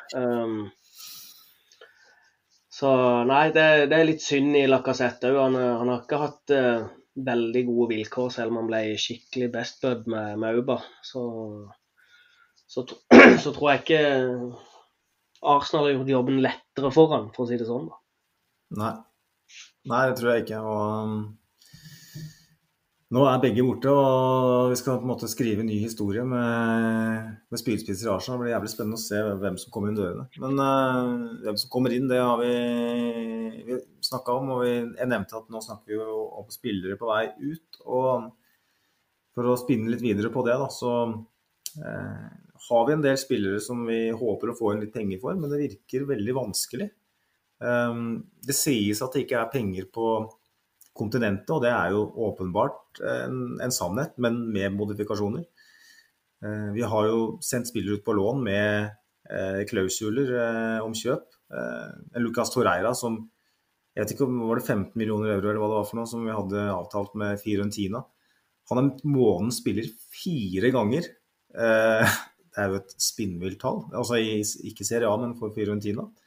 Vlavic har gått til Juventus for ja, mye var det, ja? 750 mil eller noe sånt. Eh, og så kommer vi til sommeren, og så er det en fyr som er årets spiller Jeg vet ikke om det ble kåra til årets spiller, men i hvert fall fire måneders spillerutmerkelse i Fiorentina. Så kommer Fiorentina da, som på en måte er nyrike etter en sånn type deal, og sier at nei, det har vi ikke råd til. Eh, nå vet jeg ikke, kanskje handler om lønn, kanskje har Juventus en sånn klassisk Juventus-avtale om at de betaler ei krone i året i 400 år hva det er. Ja. Uh, men vi ser det samme, men poenget mitt er at vi ser det samme med Real Betis. Jeg vet ikke om det var noen klausul der, det er jeg usikker på. Men uh, Hector Beirin har jo uh, gjort en god, god, figur der. Og det er åpenbart en slags, det er et godt forhold mellom han og, og Real Betis. Og, men Real Betis vil ikke betale uh, noe som helst for han, virker det som. Og Beirin etter sigende da har et håp om at Arsenal bare skal terminere kontrakten hans. Eh, og Betis har vel brukt penger på andre spillere eh, allerede i sommer, som jeg har forstått det. Eh, så der det, har det i hvert fall vært penger. Og det her er en gjennomgangsmelodi da, for Arsenal. Vi har terminert kontraktene til Mustafi, til Sokratis, til Øzil, til Aubameyang. Kolasjinok. Kolasjinok, ikke minst. Hvordan tolker du det her? og Tror du det er Tror du klubbene nå nærmest bløffer fordi de vet at Arsenal er eh, gavmilde på, på markedet? Hva, hva, tror du det er som gjør at det, at det her skjer? Jeg tror nok det er en kombinasjon av det at vi i to sesonger så har vi jo bare jeg, ikke kasta spillere etter folk, men det som du sier, vi kansellerer kontrakter over en lav sko. Eh, men jeg tror nok det er og det ble ganske tydelig. altså Tete var med en gang at det Jeg vet hva spillere jeg vil ha, jeg vet hvem jeg ikke vil ha her. Og så har han bare kjappest mulig kvitta seg med de. For mange av de spillerne vi nevner som er, der vi har kansellert, er jo spillere som ikke bør ha tredd på seg Arsenal-drakt i, i, første omgang. Men uh, samtidig så har vi jo uh, jeg tror vi er, vi er så gjerrige andre veien òg. Uh, si, ja greit nå, Vi brukte mye penger på Auba. Jeg syns vi brukte en del penger på, på, White. PP var jo vanvittig dyr. Så, så penger er der. Men før, det så har vi liksom alltid venta til siste liten og kniper på de siste pundene. Og da, da tror jeg klubber tenker at det, da gjør vi det andre veien òg. Mm. Og i hvert fall med spillere som rett og slett ikke blir verdsatt høyt, så skjønner jeg jo godt på andre sida av forhandlingsbordet at uh, hvis det er en spiller du ikke har lyst på, så har jeg ikke lyst til å bruke 100 millioner pund på det. Uh, da vet jeg at jeg kan få han billig, for du har lyst til å kvitte deg med han. Uh, Men jeg håper jo med, med Edu og at det endelig har stabilisert seg litt sånn i forhold til spillerlogistikk, at vi, vi må være så vanvittig mye smartere på å selge spillere. Og spesielt låne ut spillere med opsjon på kjøp, så må vi, vi begynne, må begynne å sikre oss penger. For det, den skuta har ikke gått så veldig godt. Og vi kan si med Crunky at de har spent some fucking money, men de har jaggu brukt litt penger eh, de siste sesongene. Så Men jeg, jeg, jeg tror vi er, vi er, nok på vei eh, mot slutten av sånne dustete avtaler og, og kniping fra motstanderklubber. For eh, du ser måten vi handler inn på, det er smart, og vi handler spillere for fremtida der vi kanskje vil prøve å tjene mye penger på. Eh, så er det jo opp til gutta bak, eh, bak Ateta å videreformidle dette ut til agenter og bare være knallharde. Eh, og da spesielt med den siste med Bellerin. At Betis liksom spør om å kansellere kontrakten hans. Altså, han har hatt en god sesong i, i Spania for de, og faren hans er vel òg sånn Real Betis-fan, så vidt jeg husker. Så etter, altså, det er klart Vi skal ikke forvente 50 millioner pund for Bellerin, men at vi bør få 20-25 millioner for han i hvert fall, det, det syns ja. jeg er fair altså, i, i, dagens marked. Det er vanvittig mye penger, men uh, det er fortsatt en spiller i Bellerin, altså. Det får vi nok ikke pga. kontraktsituasjonen hans. Han er ett år igjen. Eh, hadde han hatt langtidskontrakt, så kan, kanskje, men eh, ja. Si for tis, tis tror jeg vi skal bare takke og si farvel. Eh, det er litt sånn jeg syns det er trist da med Beirin, for at nå har han på en måte vært vitne til at vi har kansellert kontrakter med, med, spillere som har vært utro og dårlige tjenere for Arsenal. Eh, og så kommer han som kanskje har vært den aller beste eh, ambassadøren, den aller beste representanten for klubben sånn utad, og ber om det samme, og da skal vi liksom eh, sette ned foten. Men jeg mener at vi, vi, kan ikke fortsette med det. det om det heter Arsenal Wenger eller Adebayor, det, det, spiller ingen rolle. Nå må Arsenal eh, Eh, være sterke. Eh, og Du må være sterk, og Tete må være sterk. Eh, vi kan ikke tillate at det her fortsetter å skje. Fordi at da, da, kommer vi til å oppleve det hver eneste sommer. Vi, vi får tre millioner pund for Mavropanos. Det er jo helt idiotisk dårlig. En av de beste stoppere i Bundesligaen. Liksom. Det, går ikke an. Hvis Arsenal skulle kjøpt han nå tilbake, så måtte vi betalt 30 millioner euro. Uh, Gendosi går for uh, var det 10 millioner euro eller noe sånt til uh, Marseille. Så kjøpte han tilbake, så er det 40-50 millioner euro. Han er landslagsspiller for Frankrike.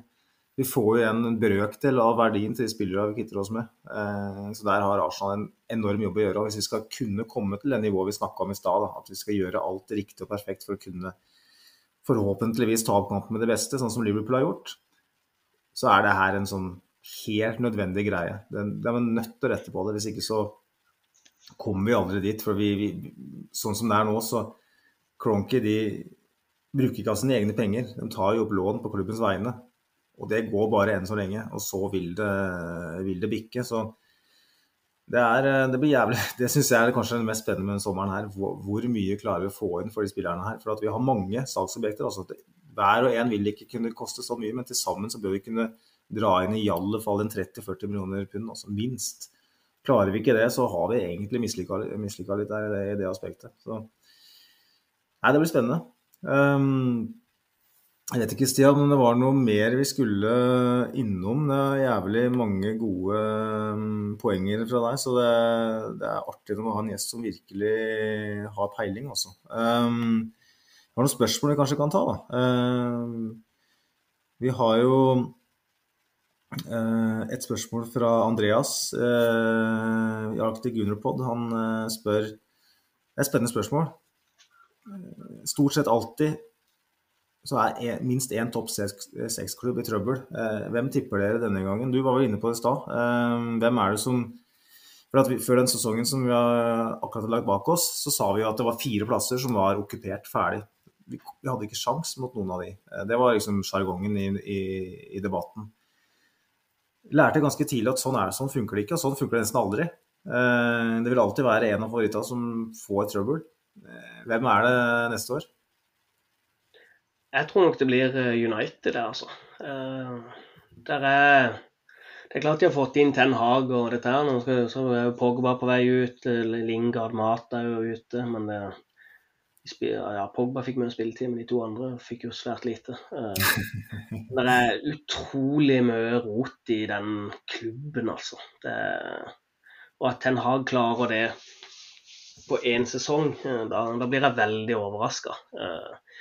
Der er ikke Det er ikke så sykt mye sånn veldig gode spillere i, i det laget som folk skal ha det til, syns jeg, da. Eh, det, det, er ikke mange spillere jeg hadde henta der. Jeg hadde tatt kanskje Fernandes hvis han har sluttet å sutre som en gjettunge. Men uh, utenom det, så Ja, han, svensken han er Langa ser jo bra ut. Uh, det, er, det er, jo noen unge talenter der, men jeg, jeg tror det blir tøft for de i år igjen, altså. Uh, for jeg tror både vi, Tottenham, Chelsea Jeg tror vi er hakket hvassere, altså.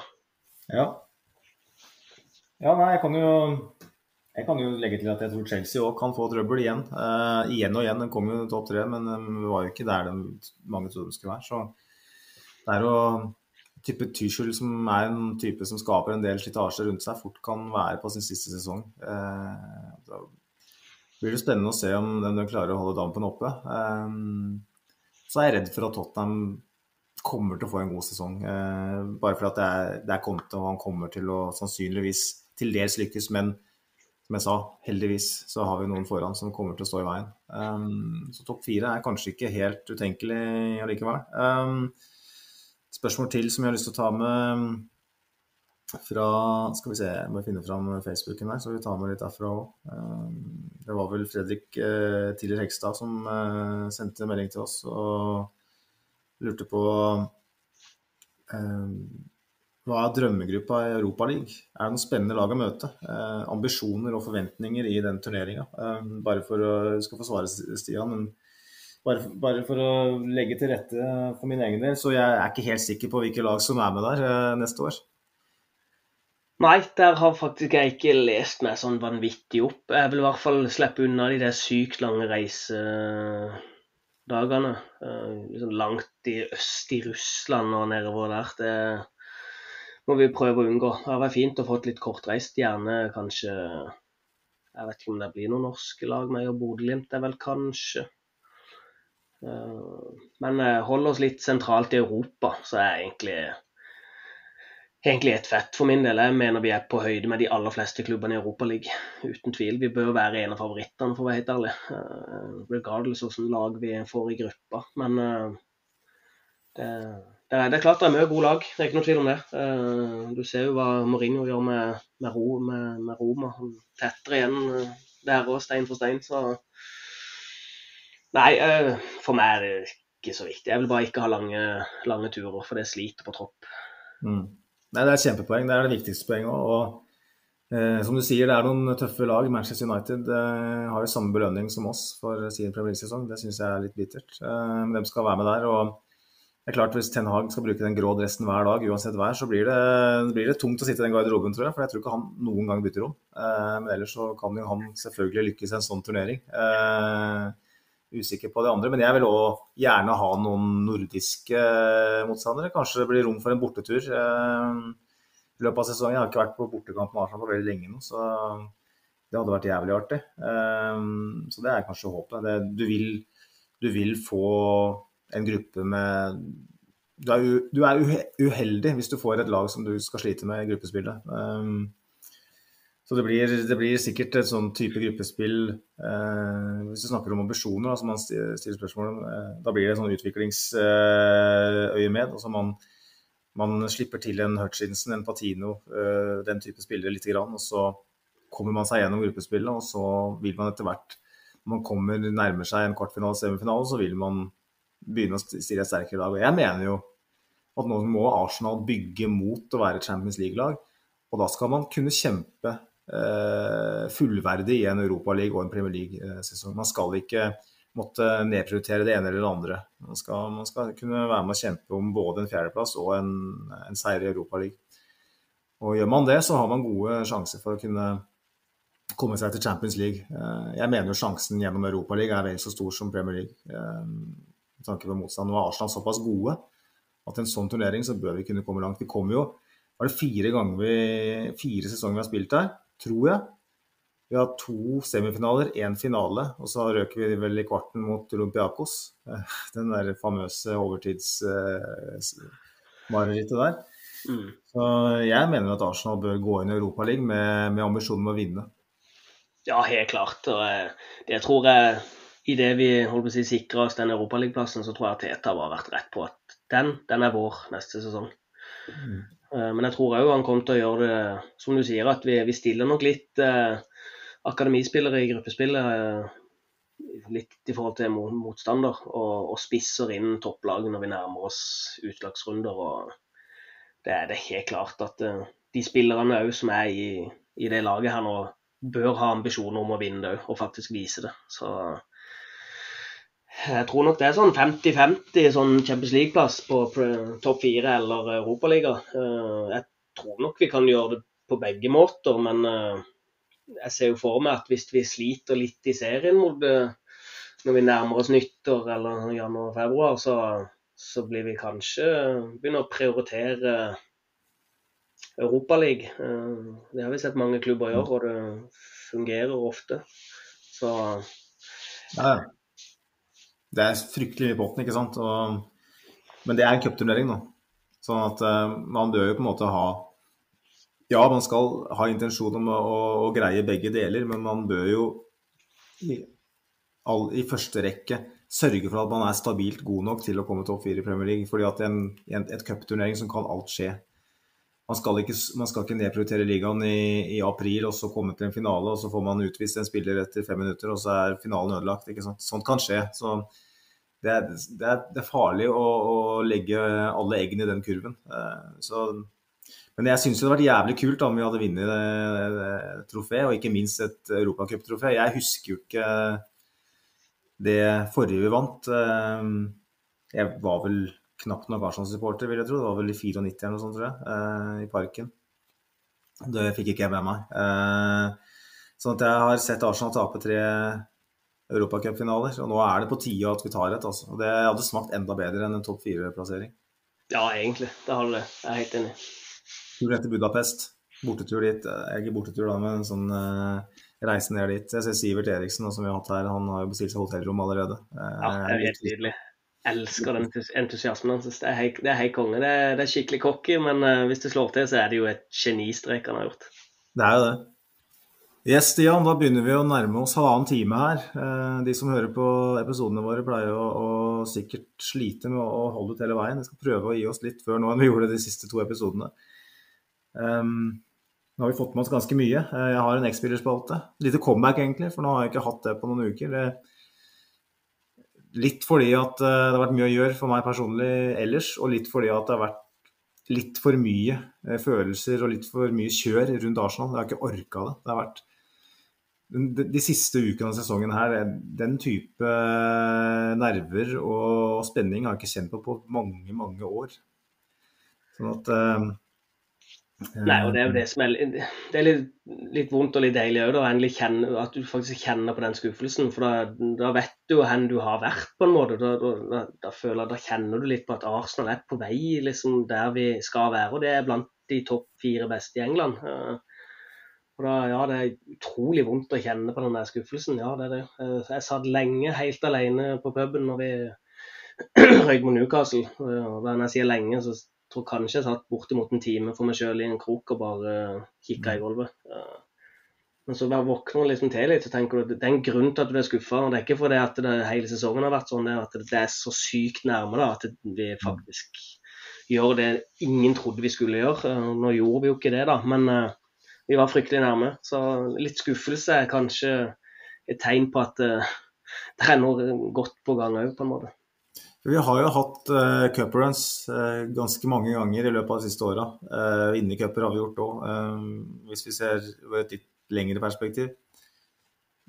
Men det, da er det på en måte en må, en, både tre og fire uker mellom uh, hver eneste kamp i en sånn turnering. ikke sant? Premier League-racen når det står om en topp fire-plassering, det er så intenst. Og så har det vært så viktig òg? For vi har vært ute så lenge av den, uh, den turneringa der, den Champions League-turneringa. Sånn at ja, jeg, jeg, kan ikke huske å ha følt på en så, et sånn type jeg var, jeg var, sliten. Skikkelig sliten. Uh, jeg, har ikke, jeg, har ikke, kjent det sånn siden kanskje 2015-16-sesongen, når vi var med å kjempe om gullet med Leicester, helt til vi kollapsa. Eh, den derre følelsen jeg hadde, eh, spesielt den dagen mot Tottenham eh, Jeg var dårlig når jeg våkna om morgenen. Jeg bare tenkte her, jeg orker ikke det her. Men det er akkurat derfor vi driver med det òg. Ja, absolutt. Det er sånn elsk-hat-forhold. Det er ikke noen tvil om det. Så, um, men nå er vi heldigvis forbi eller heldigvis, heldigvis, nå er vi forbi den perioden, så nå kan vi begynne å se oss litt tilbake. Både på, på kortere sikt og lengre sikt. Jeg tenker jeg kjører en X-spillerspalte nå, så er det spennende å Skal jeg spørre deg etterpå hvor lang tid det gikk før du, du forsto hvem, det, hvem det var snakk om her? Ja, jeg gleder meg. Jeg ser alltid fram til, til, den spalten. Det er alltid gøy å prøve å tippe så tidlig som mulig hvem, hvem det er. Så det er bra, det, altså. Det blir spennende. Da bare kjører jeg i gang, Stian. Hva gjør lille Martin fra Tande P i dag? Hvor ble det av Basse fra Olsenmannen? Er Ramsay og Anne Mona fremdeles gift?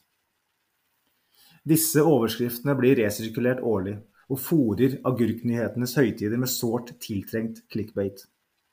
For vi vil jo så gjerne vite om Jarl Goli er konkurs igjen, eller om Dan Børge har det fint på hytta. Mediepersonlighetene fra fordums tid opptar oss. Sånn er det også med fotballstjernene. Mange av dem har gått inn i dagligtalen. Makelele-rollen, Zidane-piruetten, Cruyff-finta. Og så har du de som av en eller annen grunn omtales som unsung heroes, de forsømte heltene. Disse får ofte enormt mye oppmerksomhet fordi vi mener at de ikke har fått nok spalteplass. I Arsenal-sammenheng kan vi nevne Gilberto Silva eller Lorraine. Og så har du de som faller mellom to stoler. De som ikke var gode nok til å komme inn i dagligtalen, ei heller anonyme nok til å bli definert som unsung heroes. Det er jo de som er de virkelig forsømte heltene.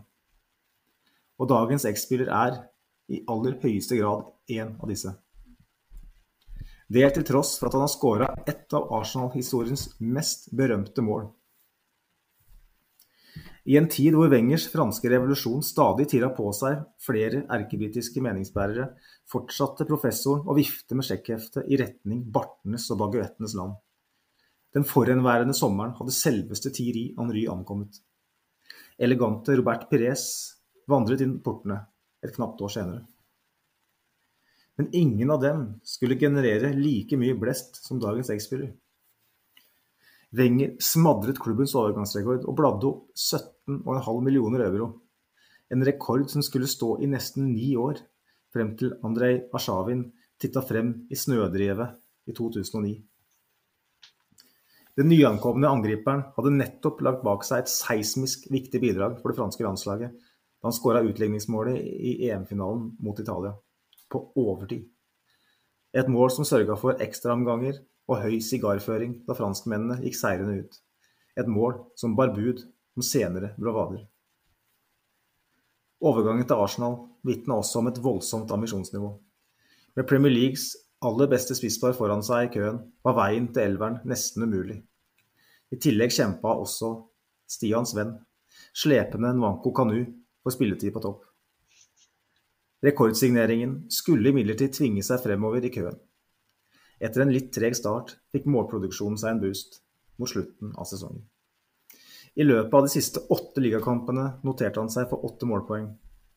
Høydepunktet kom i hjemmekamp mot Westham, da han i løpet av knappe 33 minutter noterte seg for klubbens, et av klubbens kjappeste hat trick i moderne tid. Westhams svimle forsvarere ble fullstendig løpt i stykker av den kvikke måljegeren. Spesielt den andre skåringen var av høy klasse. En lang ball fra Lee Dixon ble kattemykt dempa på kassa før han foretok en tverrvending som sendte de to Hammer-stopperne kilometervis inn i blåbærskogen. Så tok han et skritt innover før han køla ballen vakkert i venstre hjørne. Attpåtil med sin svakeste fot. Hele 47 opptredener, opptredener skulle det bli den første sesongen, og 15 fulltreffere. Et imponerende tall med tanke på at han ble benytta i flere posisjoner gjerne på høyrekant, hvor han etter hvert skulle gjøre vei i vellinga.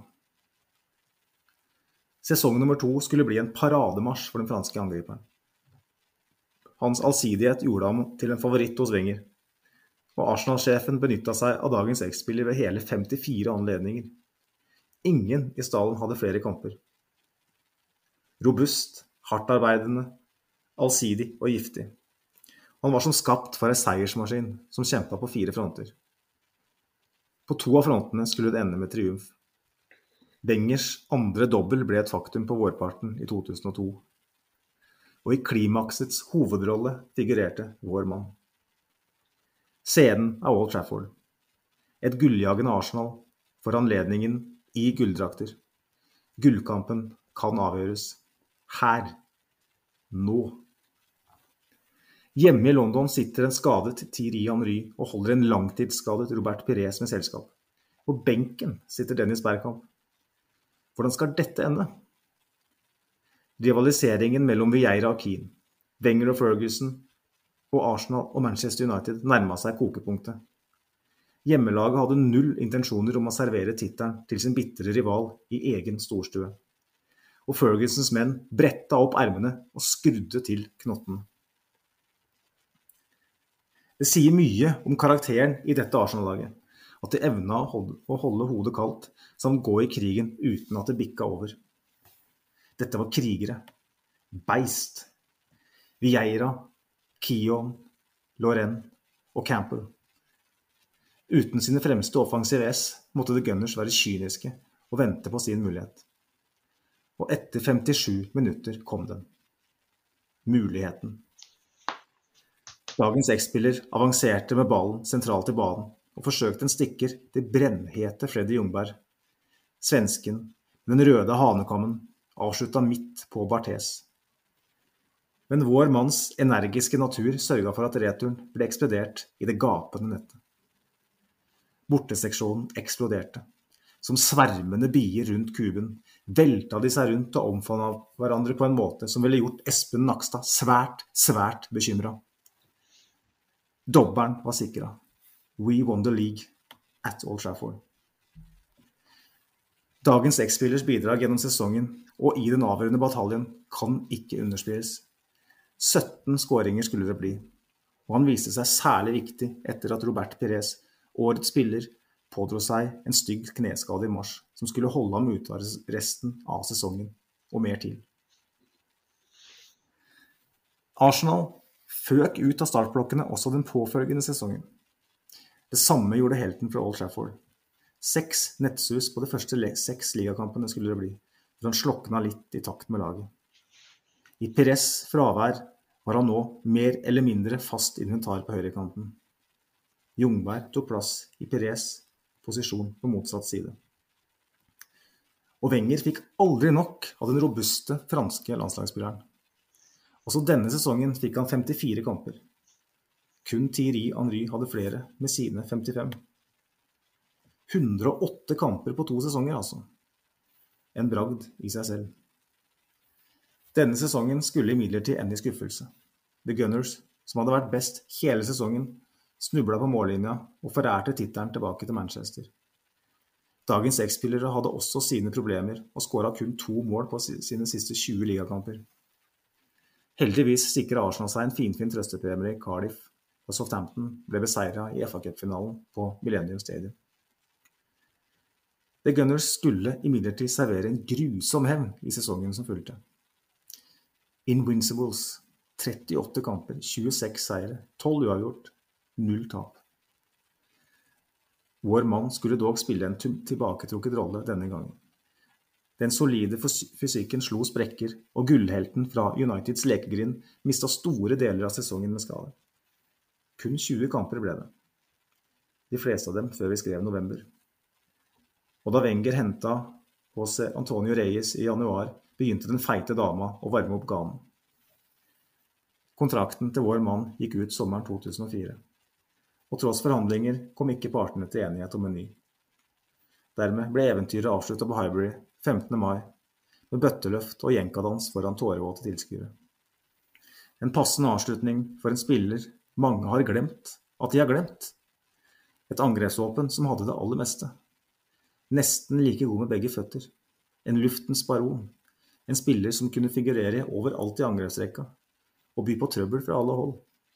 En uvanlig robust, topptrent atlet som spilte mer enn alle andre. Vi må snakke mer om Sylvain Viltår, og ikke glemme at vi har glemt den. Ja, det er helt uh, nydelig. Uh, Viltår er en stor, stor spiller, det, og en veldig fan av han i, i sin tid i Arsenal. Uh, litt vittig at vi prater om mitt uh, si, møte med Kanu. For det, den skåringa der mot United, så står jo Viltrå med opprekket hånd, og Kanu hopper over hele mannen, altså. Det, det sier litt om spensten til Kanu. Så feiring er vel så bra som målet. ja, den, den scenen den, den, er jo ikonisk. Det er vel, Han sitter vel på kne der, tror jeg. Hvis ikke så er jo Kanu gud. Um, ja, ja, kanskje det. Uh... Jeg tror det, men det ser ikke sånn ut. Nei. Jeg tror de har snakka om det ettertid. Det ser jo helt vilt ut, men ja. Um... Ja, nei, igjen en veldig bra uh, X-spillerspalte. Altså, det, det, er, det, er, gøy å både høre og se. Uh, han var en stor spiller, og du nevner jo masse øyeblikk her. Det er jo helt, helt fantastisk. Men er du, er, takk for det, men er du enig at han av en eller annen merkelig grunn har blitt sånn glemt? Vi snakker liksom ikke om den? Ja, absolutt. Vi, eh, altså jeg har flere venner heldigvis som er Arsenal-supportere. Når vi sitter litt nede i, i boksene utpå kvelden og prater Arsenal som vanlig, så, så pleier vi alltid å ha en sånn en, en runde der vi har nevnt en spiller vi ikke har prata om. For alle prater jo om ikke sant? Vieira, altså Sol Campbell, Henry Pires, vi kan bare ramse opp. Men finn de mm. spillerne som har vært gode for oss, men får veldig lite skryt. Og det er definitivt en av de. Det er Sylvain Viltor, altså. Mm. Ja, for Det var litt artig å høre. for at uh, når jeg satt ned og skrev den spalten, så var det basert på mine egne erfaringer. og jeg føler liksom at, Som jeg sa, da, altså, Gilberto og Lorraine og sånn, dem er jo liksom trukket fram stadig vekk. fordi at vi mener at dem er glemt. Uh, men dem snakkes jo voldsomt mye om. Så er det selvfølgelig slik at dem er òg veldig mye i, i media. da. Mens det er kanskje en forklaring. Viltor han har jeg knapt nok sett etter han, eh, at han forlot Arsenal. Eh, jeg vet han har spilt litt fotball etter det, men jeg vet ikke hvordan han ser ut. Han, han, hvordan ser Viltår ut i dag? Det aner jeg ikke. Så det er en sånn Han har blitt glemt. Selv om han skåra en av de mest ikoniske Arsenal-måla noensinne. Ja, absolutt. Så da har vi snakka om eh, både Kanu og Viltor i dag, som på en måte var så uheldig å være backup til Berkamp og Henry. Sånn at eh, de vil aldri kunne få den krediten de fortjener. Eh, Nei, absolutt ikke. Uh, men de fortjener han. To gode spillere som ikke hadde sånn veldig lange karrierer i Arsenal, men når de var her, så var de til, til tider i, helt i verdenstoppen. Det er, det er som, han har vel bortimot 100 kamper for Frankrike. Han har over 90, jeg tror han er over 90. Jeg skal ikke påstå det helt 100 Arrester meg gjerne, lyttere, men jeg, jeg satt og så på det. Han, I en periode hvor mange store franske, franske spillere ikke fikk spille på landslaget, så fikk han over 90. altså ja, han hadde jævlig mange kamper, da, for å si det sånn. Eh, så åpenbart en veldig stor spiller. Eh, og litt sånn interessant å tenke på at ambisjonsnivået til Arsenal på den tida at eh, vi hadde eh, Vi hadde henta Var det Åssen var det? Vi var i 2000, han kom i 2000 Sommeren 2000 kom han, eh, sammen med Robert Pires. Eh, og sommeren 2001 så hadde vi da Viltår, Bergkamp, Henry, og så går Wenger og bruker var det 70-80-90 millioner på Francis Jeffers. Eh, altså, det var jo Det har brukt mye penger på angrepsspillere, altså. Det er det er, fordi at summene på en måte for oss i, med inflasjonen ikke betyr så mye. så hvis man oversetter det til i dag, så det var jo for en angrepsrekke. Da. Det er klart, Nå var ikke Francis Jeffers eh, det man håpet han skulle være, men eh, det var, det var, det var en voldsom dekning, på, spesielt på spissplass. Eh, når man på en måte har en sånn type som Viltor, som har så mange landskamper for en så stor nasjon, og så er den liksom en sånn liksom potet som liksom flytta litt rundt på. Det, det, er ikke rart at det laget der eh, var bra. Eh, vi er eh, det, jeg og du, Stian, vi er heldige som er født eh, sånn ca. midt på 80-tallet. Eh, og har opplevd det her i bortimot voksen alder, i hvert fall. Eh, jeg håper at de som lytter, som er født eh, eh, senere, si type etter OL på Lillehammer, som er et sånn klassisk norsk merke. som, som regel som noen av kompisene mine hadde da vi gikk på byen for mange år siden, var at eh, spurte damen når de var født, og sa hun var født etter OL på Lillehammer, da var det bare å glemme det. Det er grensa. Ja. Og jeg tenker, jeg syns litt synd på de som ikke fikk lov til å være med på den, den, reisen der. Jeg håper at de får lov til å oppleve noe av det samme. Og det håper jeg vi får lov til å oppleve også, Simen. Eh, nei, Simen. Kaller jeg Simen nå. Blir det for mye øl her. Eh, Simen han er ikke her. Eh, men jeg, det jeg skulle si, da, Stian, at jeg setter veldig pris på at du tok deg tida. Eh, tusen hjertelig takk for at du stilte opp eh, i denne episoden her. Og du leverer eh, langt over eh, det man kan forvente, så det var kjempebra. Tusen takk. Du, eh, takk i like måte. Jeg syns det var gøy når plutselig den meldinga tikker inn på Twitter at jeg har lyst til å ha deg med på en episode. Det er en aktiv lytter. Jeg får med meg alle episodene.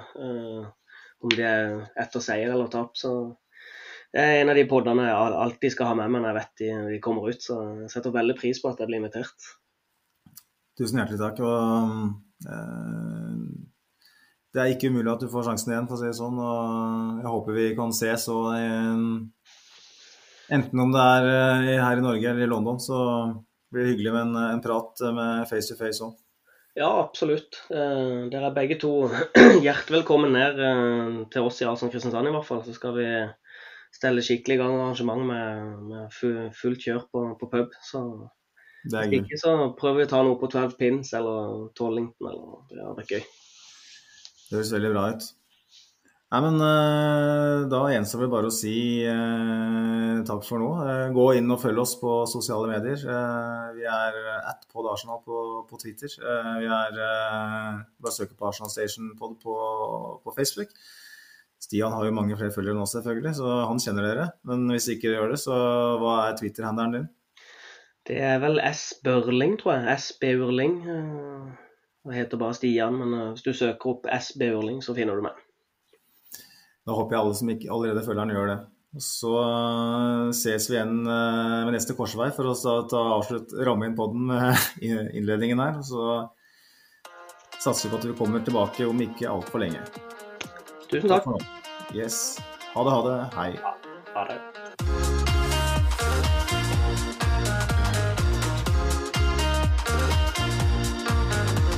This train terminates here.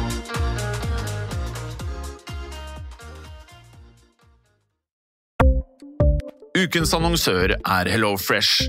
HelloFresh er verdens ledende matkasseleverandør og kan være redningen i en travel hverdag. Mange av oss har nok vandret i butikken både sultne og uten en plan for middagen, som ender med at vi går for de samme kjedelige rettene gang på gang. Middag burde være dagens høydepunkt. Som Hello Fresh kan du nå velge mellom 25 ulike retter hver eneste uke, eller få Hello Fresh til å sette sammen menyen for deg. Dette gir deg muligheten til å prøve nye og spennende retter alene eller sammen med familien. Du velger antall porsjoner og får alt levert på døren på et tidspunkt som passer for deg. Oppskriftene er enkle, og maten er lett å lage både for store og for små. Ved å få alt levert hjem får du også mer tid til å dele matgleden med familie og venner. Kanskje det frister med asiatiske tacos eller greskinspirert kylling? Da kan jeg anbefale deg om å gå inn på hellofresh.no. Her kan du bruke koden FOTBALL og få opptil 1779 kroner i rabatt på de første fem matkastene hvis du ikke har prøvd Hello Fresh tidligere. Du kan også bruke rabatten hvis du har vært kunde og stoppet abonnementet ditt for tolv måneder siden eller lengre. Gå inn på hellofresh.no og bruk koden FOTBALL. Har du et enkeltpersonforetak eller en liten bedrift? Da er du sikkert lei av å høre meg snakke om hvor enkelt det er med kvitteringer og bilag i fiken, så vi eh, gir oss her, vi. Fordi vi liker enkelt. Fiken superenkelt regnskap.